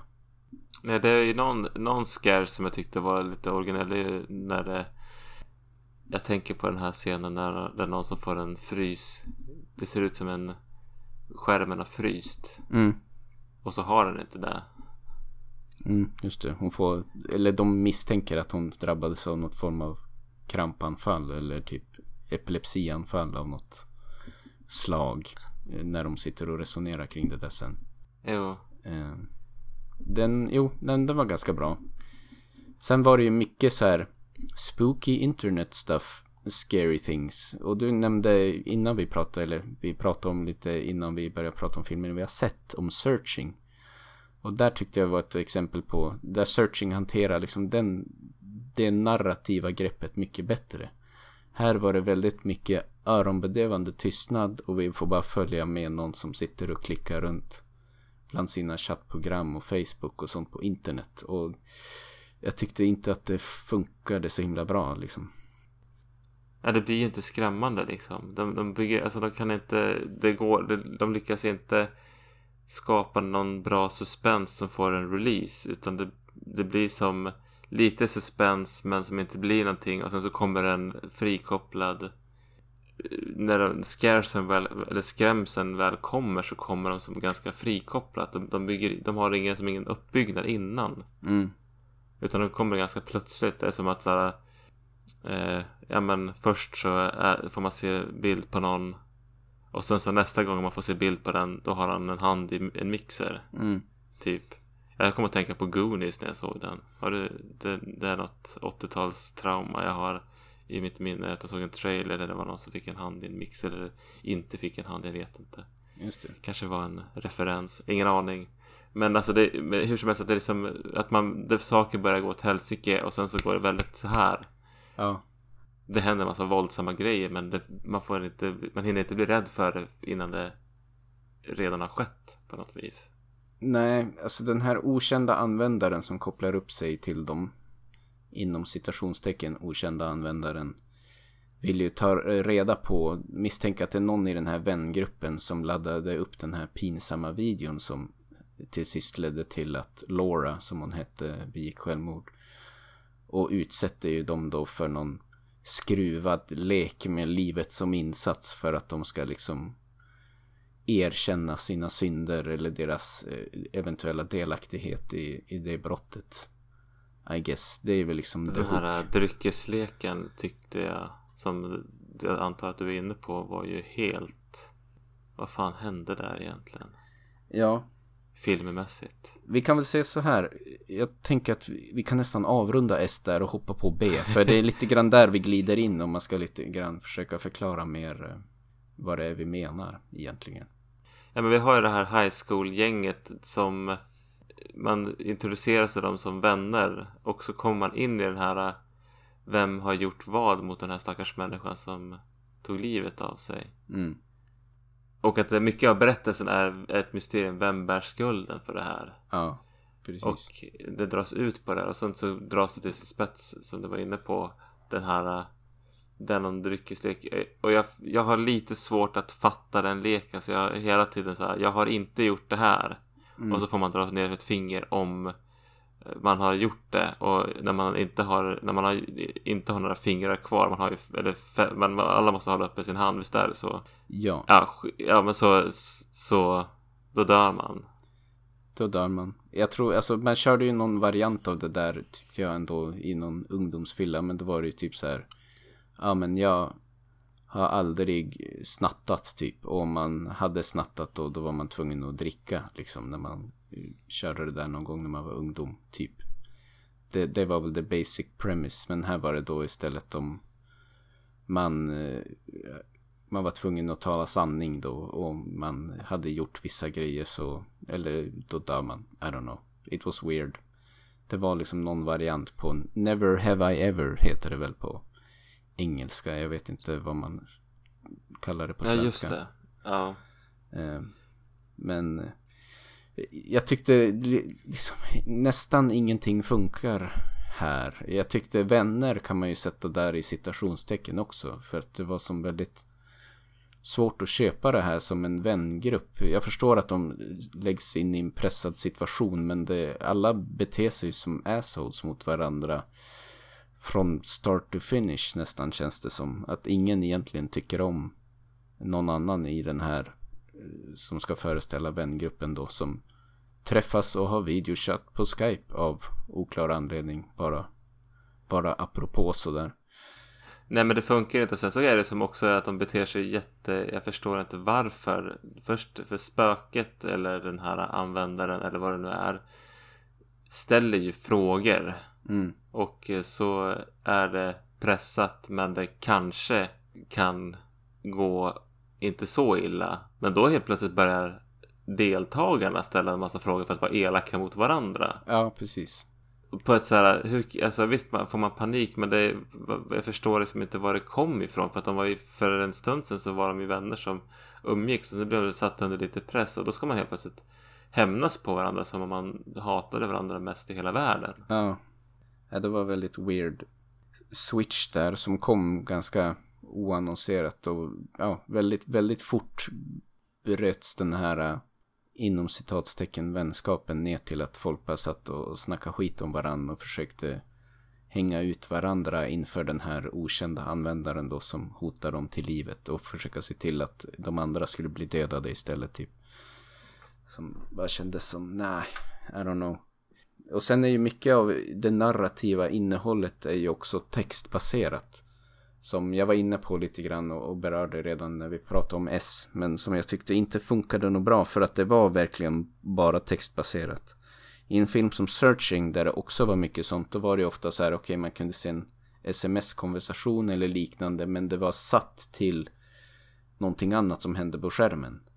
Att, eh, eller som hände i filmen, man fick följa någon karaktär som gjorde något och så rullar det här texten på i bakgrunden eller de fipplar på. Men här var det ju bokstavligen bara att, ja men som att jag skulle dela min internetruta med dig och så ser du hur jag sitter runt och klickar runt online och skriver något meddelande på Facebook och går in på en hemsida och scrollar runt och läser lite. Och när det hände som var en stor del av filmen så hände absolut ingenting annat. Då var det liksom bara öronbedövande tystnad. Och så fick man bara följa någon som satt och klickade runt online och scrollade och läste runt på lite hemsidor. Och det var som ett grepp som jag inte tyckte fungerade narrativmässigt. Det är någonting i tempot och man blir som lite, det blir för oläskigt och mm. ointressant också. Mm. Det behövs, men det, det, jag tror att man går in och tänker att vi ska göra det här i realtid. Och eh, då blir det som också ja, men då måste man göra det, låta det ta den tiden det gör. Jag tror i searching kanske de har gjort den mycket, mycket mer i klippningen för att de har tillåtit sig att berätta det som behöver berättas i den takten som, behöver, som behövs. Ja. Ja. Och här är det inte så, utan här ska det vara i realtid. Det kommer med sina problem, minst sagt. Ja, absolut. Ja, sen har vi något mer på B. Jag tycker att det är lite för mycket moralkaka här i den här filmen. Mm. Man kunde som efter en viss tid förstå att ja, men det, det, det kommer gå åt det här hållet och så serveras en moralkaka. De här personerna får som på något vis ändå en chans men de tar den inte. Nej. Och man känner att, ja men, suit yourself. Ja, det kommer ju någon väldigt så här in your face exposition. Hon råkar klicka in på den här hemsidan som i punktform förklarar exakt vad de är utsatta för. Där det också står en lösning att liksom om man bara öppet erkänner eh, det man har gjort så så behöver man inte bli utsatt för det här. Men alla ska ändå hålla in på sina hemligheter in i det sista med livet som insats som bara I don't know. Did not care for it. Om vi tänker på audiovisuellt då. Ja men det, det är ju lite kul grepp. Jag satt ju när jag tittade, jag kollade på min dataskärm. Det, det, är ju lite kul att jag liksom gång på gång tänkte att jag skulle klicka på den där skärmen. Ja. jag, den, den, det, det, funkar ändå på det sättet. Den är ju true to form. Och det är nog en film man nästan, jag skulle rekommendera att man ser den på en dataskärm. Det eleverar ja. det väl ändå lite grann. Precis, och den har ju Spotify och Skype och det är ju riktig mjukvara. Så det, ju, det, det gör att det, det gör det mer autentiskt. Det, det kändes som att de hade en ambition om att göra det väldigt så här, ja, göra det autentiskt. Eh, och det lyckas de väl med, kind of. Men då tycker jag återigen liksom det här greppet av att faktiskt i det man egentligen gör är att man får följa med någon som fipplar runt med massa flikar på internet. Eh, jag tänkte mig att det skulle kunna funka bra men jag tyckte inte i praktiken att det kanske gjorde det. Det kanske går att göra det på något annat sätt som gör det mer intressant fylla det med mer Alltså, för det var varje gång hon skulle ut och klicka runt på något online då, de mutade hon alla andra i samtalet. Och liksom varför inte ha, hon klickar runt online men det händer någonting mer.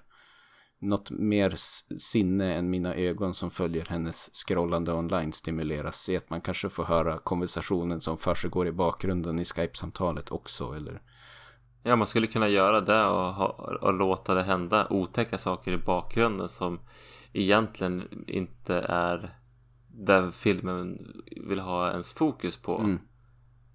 Men det är som att de inte vågar göra det så otydligt utan det måste vara tydligt. Ja, när, någon, när någonting otäckt händer för någon av karaktärerna så måste liksom den, den karaktärens Skype-ruta vara liksom front and center i samtalet.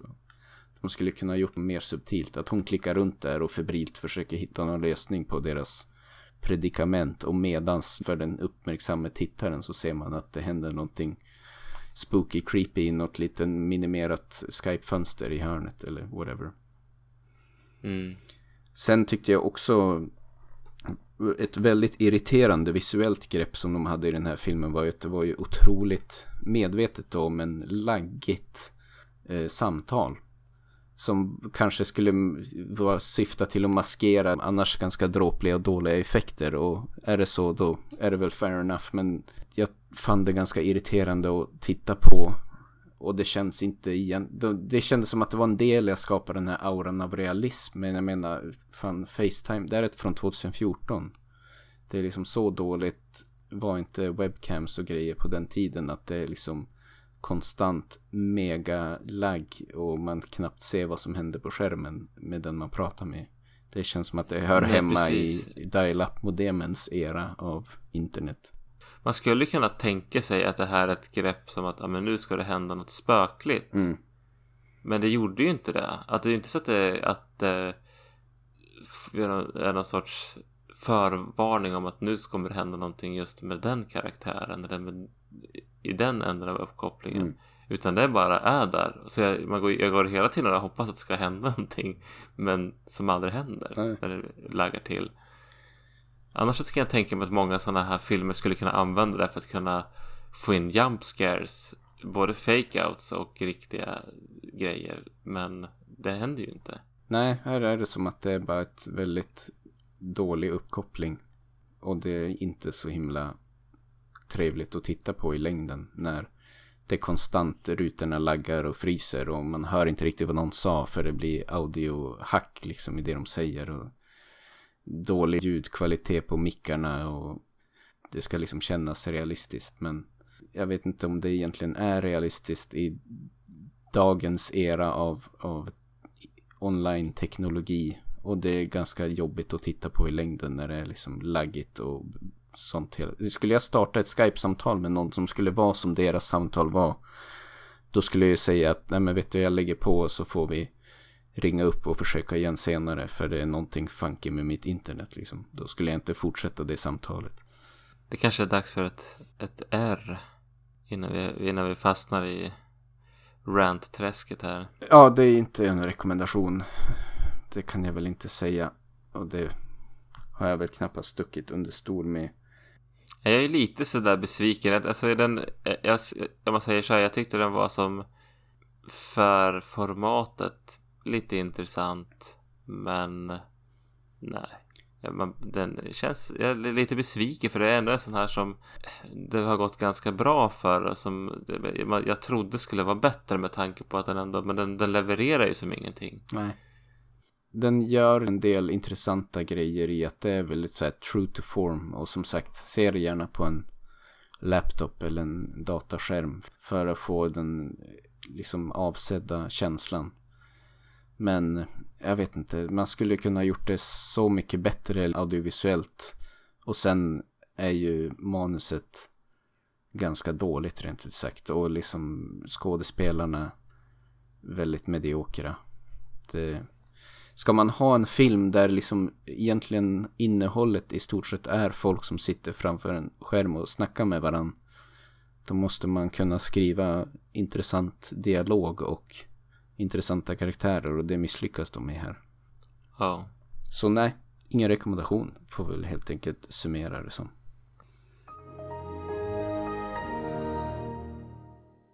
Friend Request 2016 USA Regi Simon Verhoeven. Inte släkt med Paul Verhoeven tror jag. Manus Matthew Ballen, Philip Koch och eh, Simon Verhoeven då. Och jag drar en synopsis. Mm. Laura pluggar psykologi på college och eh, dejtar en eh, snygg eh, läkarkandidat och verkar leva i en lyckad bubbla när det plötsligt dyker upp en kufisk student i hennes kurs, en gottare, och hon heter Marina. Marina blir snart Lauras vän på internet och eh, blir också lite väl efterhängsen och obehaglig. Så Laura tar bort henne från sin vänlista. Men eh, mycket snart så begår Marina självmord och skrämmande saker börjar hända i Lauras omgivning. Ja. Oh. Ska vi, vi, kör, vi kör en S på, vi börjar på S bara direkt.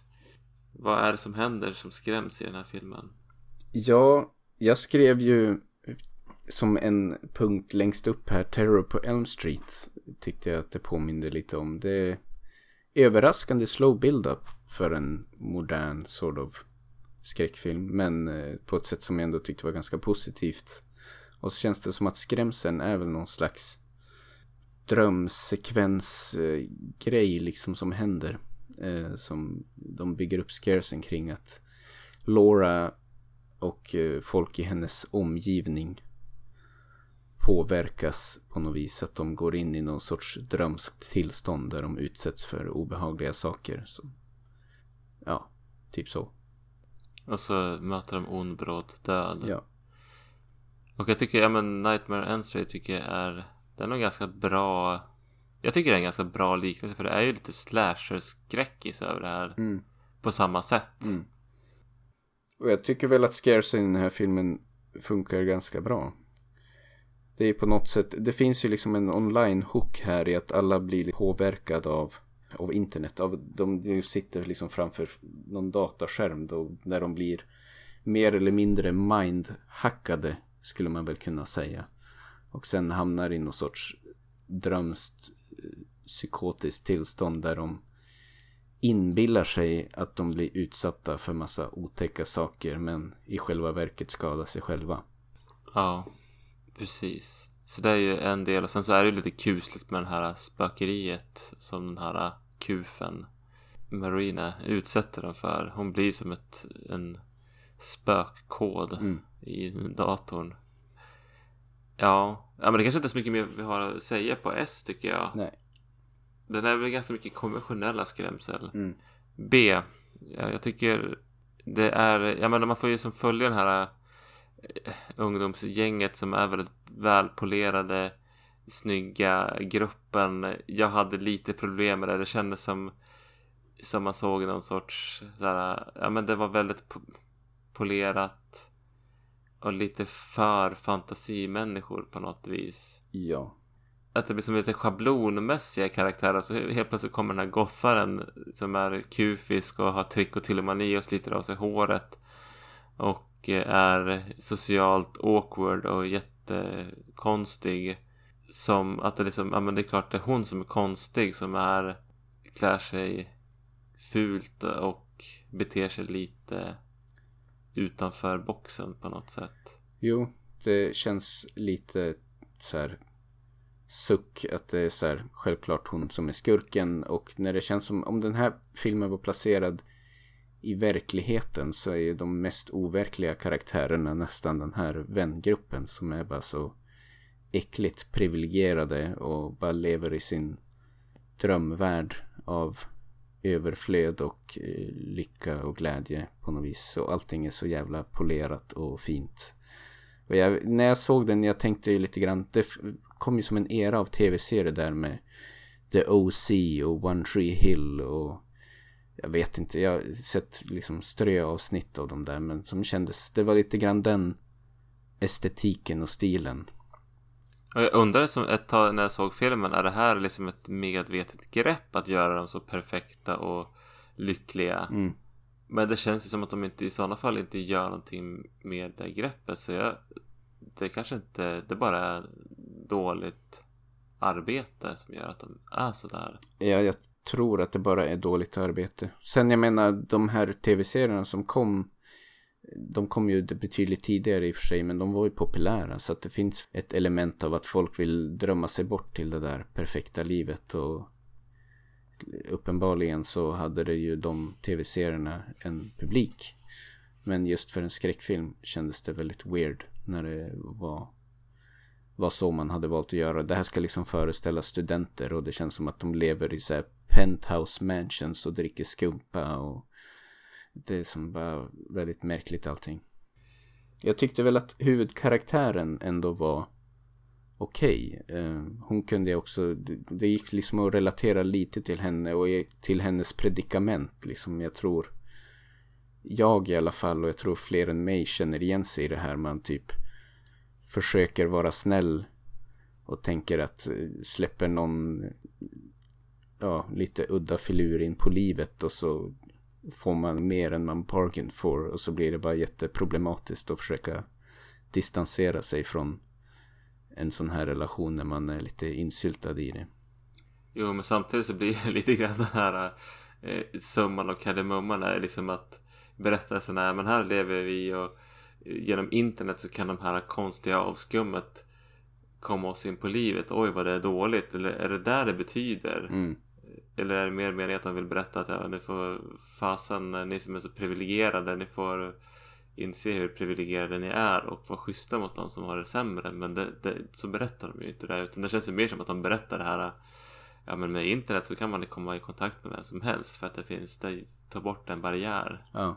Det störde mig. Ja, vi kanske läser in för mycket i det här. Jag kan tänka mig att de bara ville göra en skräckfilm. Jag gjorde säkert en skräckfilm lite grann i efterdyningarna av Unfriended kanske. Och så, så skrev de en, en, som en mittemellan film som var Ja, vi ska skrämmas lite grann och inte göra så mycket mer med det. För jag menar, det finns ju ändå ganska många ämnen man skulle kunna pratat mera om. De är nuddar vid det någon gång i, vid någon av de föreläsningarna som man får se i filmen att ja, men internetberoende pratar de om och så, alltså varför utforskar de inte mer sådana saker om man ändå nämner det. Men det verkar de liksom inte är intresserade av. Så du kanske har en, du har en poäng där. De är inte så intresserade av att berätta någon berättelse utan det är mer, ja nu gör vi en skräckfilm och slår mynt på en trend. Ja. Jag såg ju, alltså när den här filmen, den öppnar ju den här filmen med något typ social media posting montage. I sociala medier och så, så framställer ju väldigt många livet lite på det här fejkade sättet. Man ser liksom bara det absolut bästa och allting är jävligt piffigt och arrangerat och man såg hennes posting montage att åh här är jag med alla mina vänner och vackra promenader på stranden i solnedgången och här är jag i mitt penthouse och skumpa och jordgubbar till frukost ungefär. Så tänkte jag att de ändå skulle göra en twist på det där då. Att sen kommer man in i den verkliga verkligheten och ser att det är mycket hårdare och kallare och tuffare på många sätt. Men de gjorde som aldrig det. Sen är det som bara, nej det, det här är hennes liv. Hon lever i penthouse mansions och käkar skumpa och jordgubbar till frukost. Eh, så det var, jag vet inte, då tappade de mig lite grann direkt. Jag trodde de skulle göra någon liten kul lek med det där. Att kontrasten mellan den verkliga verkligheten och den sociala medieverkligheten. Men i den här filmen så var, var det samma sak basically. Ja, det, det, det blir lite ytligt. Ja, men vad ska vi säga om A då? Jag har inte så mycket mer på B. Ja, det går väl lite grann in i B. Att jag tyckte även när det kom till det audiovisuella så kändes allting väldigt polerat på ett sätt som jag tycker var negativt. Ja, men jag, jag har som skrivit att den känns som väldigt så här, polerad och det är som alltid bra väder. Alla har alltid perfekt frisyr och så vidare mm. och så vidare. Känns ju väldigt estetiskt som en, en, en mittemellan budgeterad skräckis.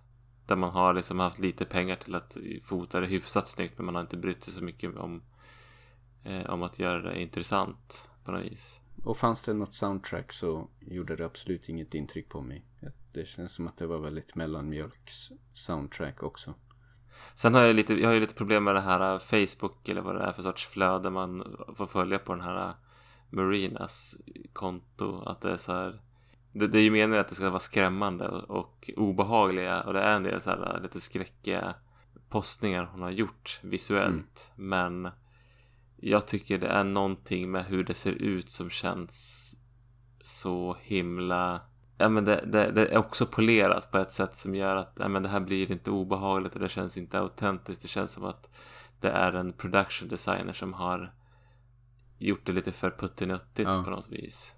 Det är svårt att beskriva men det de skulle behöva att gå liksom ännu mörkare och smutsigare med det för att man skulle bli skärrad av det. Nu var det som att någon bara gjorde lite så alternativ konst som såg lite fräck ut, I guess. Jo, och sen så inblandat så var det någon obehagligt foto på någon och det var något eh, våldsamt mm. på någon annan bild. Att det som, vi har 20 bilder så ska det vara några där det förekommer våld och sen så är det lite alternativ konst som är lite, kan vara lite kuslig. Men den är som lite för snyggt gjord för att, alltså det, det blir som det, det, känns också som att det, det här är inte någonting som någon kan ha gjort och lagt upp på det här sättet. Så det tar bort the suspension of disbelief. Alltså det känns verkligen som att nej men det här känns verkligen gjort för en film av mm. ett team. Och inte av en ensam förlorad själ som sitter alldeles för mycket framför datorn och inte har några vänner. Yeah. Som de vill skildra egentligen. Jag tycker vi hoppar in på R. Out of left field här kanske. Så trots allt vi har sagt tycker jag ändå att den här filmen var okej. Okay. Jag tycker den känns som att den... Ja, det är... Poppa en skål med popcorn och tänk inte för mycket på den så går det ner. Liksom. Det är ingen film som gör något djupare intryck men det är en, det är en okej okay skräckis. Den hade okej okay visuella effekter, en del okej okay bra scares. Liksom allting är väldigt mittemellan. Gör med det vad du vill. Det är, det är ju liksom ingen stark rekommendation kanske men har man inget bättre för sig så är den okej film att se. Det tycker jag ändå. Trots allt. Ingen kultrulle men inte heller ovärd. Det finns ganska billigt att köpa på DVD tror jag. Jag tror jag fick den för en tia på en av de här större postorder-sajterna. Mm. Så, men eh, jag tycker vi ska ja, men, eh, hoppa vidare till nästa film.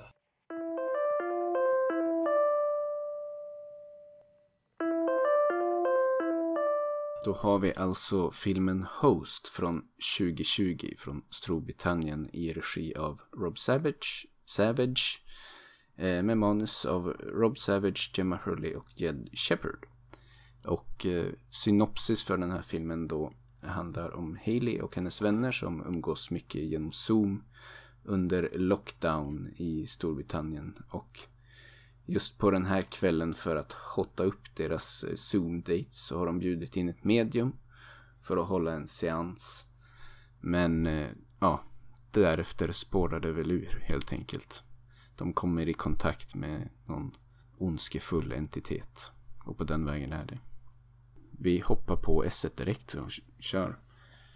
S. Ja, jag tycker det här är en, en desktop-film som Unfriended. Så det är den ingår i found footage och där levereras det ju, det kommer en ondskefull entitet som levererar jump scares. Jag menar, jag tycker den här gör ju ganska många bra jump scares men det är lite av en one trick pony. Det är väldigt mycket jump scares, det är det den levererar basically. Och en ja. del av dem är rätt bra. If you're into that sort of thing. Uh, men uh, men det är inte så mycket mer än det i scare-mässigt som den levererar. Och en del saker känner jag som eh, ur, eh, då tänker jag lite grann ur found footage perspektivet här. Att de har ju liksom sina laptops som de pratar på zoom med varann. Men sen är det som, jag ser framför mig hur folk bär runt sina laptops runt i sina lägenheter och håller dem bak och fram på ett sätt som känns som att det här är egentligen super awkward och det är ju för att de ska kunna leverera en jumpscare för tittaren men jag bara jag ser den som står bakom och tittar på den här snubben som går runt med sin laptop bak och fram i lägenheten och filmar saker på ett sätt som känns ganska onaturligt. Men det är ju ett grepp för att kunna leverera scares. Men jag, jag störde mig lite på det när, vi, när jag tittar på den. Ja men visst är det att de slänger ut mjöl för att se anden och sen så ser, alltså vinklar de kameran. Nej jag vet mm. inte. ett exempel. Och så ser man fotspår. Det, det känns ju som att den har ju rippat av ganska mycket från Paranormal Activity. Ja, där. absolut. Det är flera andra sekvenser också som jag kommer att tänka på Paranormal Activity. Det var fler filmer jag kom att tänka på också. Det kändes som att det var en film som var lite greatest hits av scares från andra filmer. Där det, de hade det här slängde Jo. upp lakanet på något som stod där men inte syntes som var ju en scare jag tyckte om mycket i den indonesiska filmen Satan's Slaves vi såg. Kanske har gjorts där innan Ja, också precis. men det var inte så mycket original content i alla fall utan det var mer man hade tagit olika scares som funkar i andra filmer och bara rivit av dem i rasande takt. Och ja, som sagt, vi pratade lite grann om det när vi gjorde vårat found footage special. Att jag, nörden i mig, ser händelseförloppet ur ett perspektiv bakom den som håller i laptopen och pratar. Och då kan jag inte hjälpa att jag ser dem liksom gå runt med sina laptops i sin lägenhet och håller dem i jätte awkward ställningar för att Det tar bort eh, skräckkänslan ganska mycket. Men det, det är lite weird hur de har gjort det. Även om jag förstår det. Jo, sen, sen tycker jag att de har Det är väl några grejer de skojar lite grann med Zoom-programmet Att ja, men den, någon, någon gång sätter de på Dyker det bara upp någon mask Mm. där Som svävar i inget tomma intet Och sen är det väl också Att de använder Det är någon som har filmat någon sorts bakgrundsloop Ja men det som de använder Det är ju lite finurligt och lite Skrämmande också för att jag, jag, jag blev lite så här, ja men nu händer, men vänta nu, att jag liksom, med den här loopen till exempel så var det som att, ja men nu händer det någonting, eller vänta nu, det här har jag ju sett Ja. förut. Och sen så pang liksom. Det här kanske är en film som skulle vara bety- Alltså många scares och liksom grepp i filmen kanske skulle funka bättre om man faktiskt använde zoom regelbundet. Jag har aldrig använt zoom, men det är ju högaktuellt just nu. Många som har hållit på med hemundervisning och jobbmöten och annat kanske känner igen sig mer subtila grejer som dyker upp i den här filmen som går mig rakt över huvudet för jag är inte bekant med mjukvaran. Ska vi gå in på B kanske? Nej men jag tänker på B att, att, att en styrka som den här filmen har som, som du är inne på Du kanske inte kan referera till och jag väldigt lite kan referera till som har bara haft så här, några enstaka pass på Zoom Är just att många som är väldigt mycket inne på Zoom och är vana med programvaran men också med den här stämningen när man sitter på lite håll och inte riktigt har samma närvaro fysiskt ja men då kanske det här greppet är lättare att relatera Mm. till. Och då blir det genast mycket mer spännande för jag jag förstår verkligen inte håsen som har varit runt den här filmen för jag har ju som så här, ja nu sitter de och kollar på en laptop och så händer det massa saker.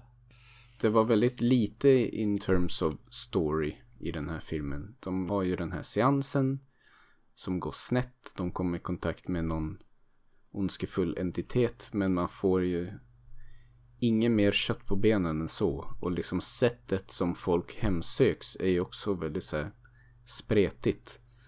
Ofta när jag tittar på skräckfilm så kan jag leta i någon, någon sorts röd tråd. Att det finns ändå någonting narrativmässigt bakom hur spöket är och ter sig och hur den hemsöker. Men ja, som vi nämnde på S så kändes det här som att de bara hade radat upp så här greatest hits av JumpScares som kändes totalt orelaterade till varandra.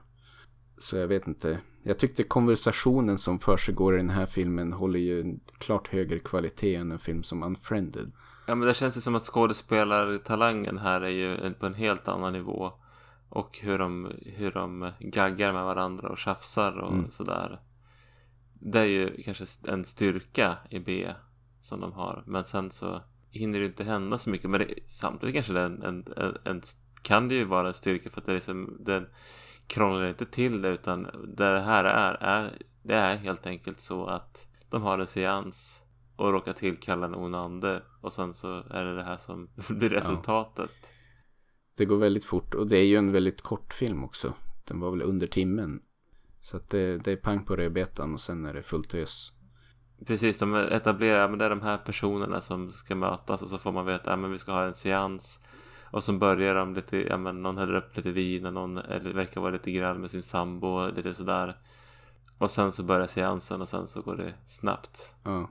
Den har ju några ganska sköna så här, blinkningar till nutida problemen också som jag tyckte var i all kavalkad av skräck var ganska roliga. Jag tänkte på särskilt där på slutet när någon bryter lockdown som är liksom det hemskaste man kan göra för att ta sig ut ur den här hemsökta lägenheten och ska hjälpa sin kompis. Så när de möts i allt det här kaoset och alla håller på att dö runt omkring dem och de själva är utsatt för livsfara så kör de ändå den här corona-approved armbågshälsningen när de träffar varandra som jag tyckte var ganska kul. Så ja, som sagt, det, det, är ju lite grann same same som Unfriended. Men eh, det håller ju en annan kaliber i manusarbete och skådespelarprestationer, tycker jag. Sen har den någon liten tangenkik på ett sätt som Unfriended saknar, mm. tycker jag. Om vi hoppar på det audiovisuella då. Ja, men vi har varit inne på den där, jag menar, med looparna och, och de sakerna så är det ju spännande grepp som de har ändå, tycker mm. jag.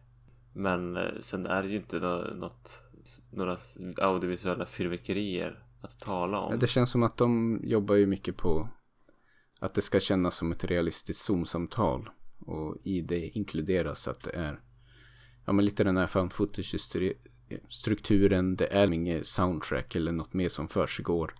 Förutom det här Zoom-samtalet. Så att eh, man får det man förväntar sig, I guess. Varken mer eller mindre. Ja, men vad skulle du säga på R då? Jag, jag, jag tror att håsen gjorde att jag varit lite besviken av att se den här. Men samtidigt så är den ju, den har en glimt i ögat och den har ett tempo som gör att det känns kul att ändå ha sett den. Absolut. Den var överhypad. Den lever inte upp till hypen tycker jag. Men den var väl okej. Okay, skulle jag säga. Och eh, med liksom bakgrund. Jag såg ju de här. Inte i kronologisk ordning. Utan jag såg Host. Eh, först. Och sen Unfriended. Och efter jag sett Unfriended så får jag väl ändå säga att jag gillar Host mer. Den här kändes mer kompetent genomförd när jag såg Host först så tänkte jag på det och skrev om det att det skulle inte vara intressant om man fick se mer skit som händer liksom online. De letar febrilt runt för att försöka hitta någon sorts kontext i vad det är som händer. Men efter att ha sett Unfriended så insåg jag väl lite grann att det greppet var ganska tråkigt att titta på. De gör ju mer av den grejen i Unfriended. Att man får följa dem, scrolla runt online och kolla på hemsidor och trolla internet efter information. Men just det innehållet i Unfriended tyckte jag var astråkigt. Kontentan av det hela var väl egentligen att jag kanske med bakgrund av att ha sett Unfriended gillar mer att Host kör bara liksom pang på rebetan. Nu kommer en ond ande och så händer det massa otäcka saker typ. Och gör inte så mycket mer komplicerat än så. Ja, precis. Är man en sucker för jump scares då tror jag att den här kan vara din kopp te. Det är en OK berg och dalban skräckis med högt tempo. Och även om man inte, som jag, inte tycker den är jättebra så är det inte en tre timmars slog. Det är 45 minuter typ och sen är det klart. Och jag är ändå glad att ha sett den. Eh, även om jag inte heller tycker det här är någon film som kommer göra något djupare intryck på mig på sikt tror jag. Nej, lite av en bagatell i sammanhanget. Ja, det var alltså nätskräckisar eller online horror eller vad vi ska kalla det för. Vad känner vi kring genren eller filmerna vi har sett som sådant sammanfattningsvis? Det har ju varit ganska så varierad både kvalitetsmässigt och stilmässigt tycker jag ändå. A Host och Unfriended hänger väl ihop stilmässigt. Friend Request kändes ganska mycket som bara en ganska ordinär skräckfilm som av en slump råkade ha lite internet med som tema. Fast det kändes som du sa att de bara hoppade på en trend. Men det här, internetaspekten av den filmen hade inte behövt vara med eller hade kunnat enkelt bytas ut till någonting annat. Och det hade inte förändrat filmen på något signifikant sätt. Puls sticker väl ut som jag ska inte säga svarta fåret i den här uppställningen men en väldigt annorlunda film på ett positivt sätt. Puls är väl det stora jag kommer ta med mig tror jag från det här avsnittet. Jag tycker ju att Puls hade ju någon sorts konstnärlig kvalitet som gjorde den, alltså den är ju som skräckfilm väldigt bra men den är ju som, har ju nästan kvaliteter som gör att den sträcker sig lite utanför. Och eh, jag måste också säga en sak till som är bra med Puls. Att jag tycker att på något sätt är det den som kommenterar internet på ett mest aktuellt sätt av alla de här filmerna fast han kom för 20 år sedan. Jag är besviken så sett att jag är ju en sucker för found footage. Och man skulle ju kunna säga att i alla fall Unfriended the Host känns ju lite grann som någon sorts subgenre till found footage-genren men jag hade nästan förväntat mig att det skulle funka bättre än det faktiskt gjorde. Jag trodde jag skulle gilla det mer. Eh, men det var det större delen, eller för att inte säga nästan hela filmen, är bara att man tittar på folk som tittar på en dataskärm. I don't know. Det var lite tunt. Jag är glad att ha sett dem. Ehm, jag är framförallt glad att ha sett om Puls, som jag minns så lite av, men som nog är en film som kommer stanna med mig mer nu och de övriga filmerna är väl... Ja, det är kul att ha betat av det. Jag hoppas att någon i framtiden kan göra något bättre med det här greppet än vad de har lyckats med i de filmerna vi har sett. Det tror jag nog att det kommer. Om vi ska blicka framåt då. Vad har vi på agendan för nästa månad? Jag ska vi ta och sikta in oss på en jorden runt-resa igen med lite borsch och vodka och det stora grannlandet i öst. Jag har ett, en säkert som jag redan har beställt sen innan som jag är nyfiken på som heter eh, Sputnik. Handlar inte om vaccinet utan är nog en mer skräckfilm av traditionellt grepp. Men som jag är nyfiken på från förra året och så ska vi hitta något lämpligt att para ihop den med. Ja, det finns nog en och annan men det är inte så himla lätt alla gånger. Nej, jag, jag har försökt kolla lite grann och ja, vi får väl komma till det när vi kommer till det avsnittet. Men det har väl ett land som har levt under mycket censur under lång tid så att det här med skräckfilm har varit lite tabu. Har jag förstått när jag har läst på. Men eh, vi får se vad vi hittar och, och matcha ihop det med och så återkommer vi med ett nedtramp i våran jorden runt-resa då till nästa månad. Ryssland alltså. Det blir bra det. Och till dess så får jag tacka alla som lyssnar och så önskar vi att vi får en härlig vår månaden som kommer så hörs vi igen om en månad. Nu kopplar vi ner. Tack och hej. Tack.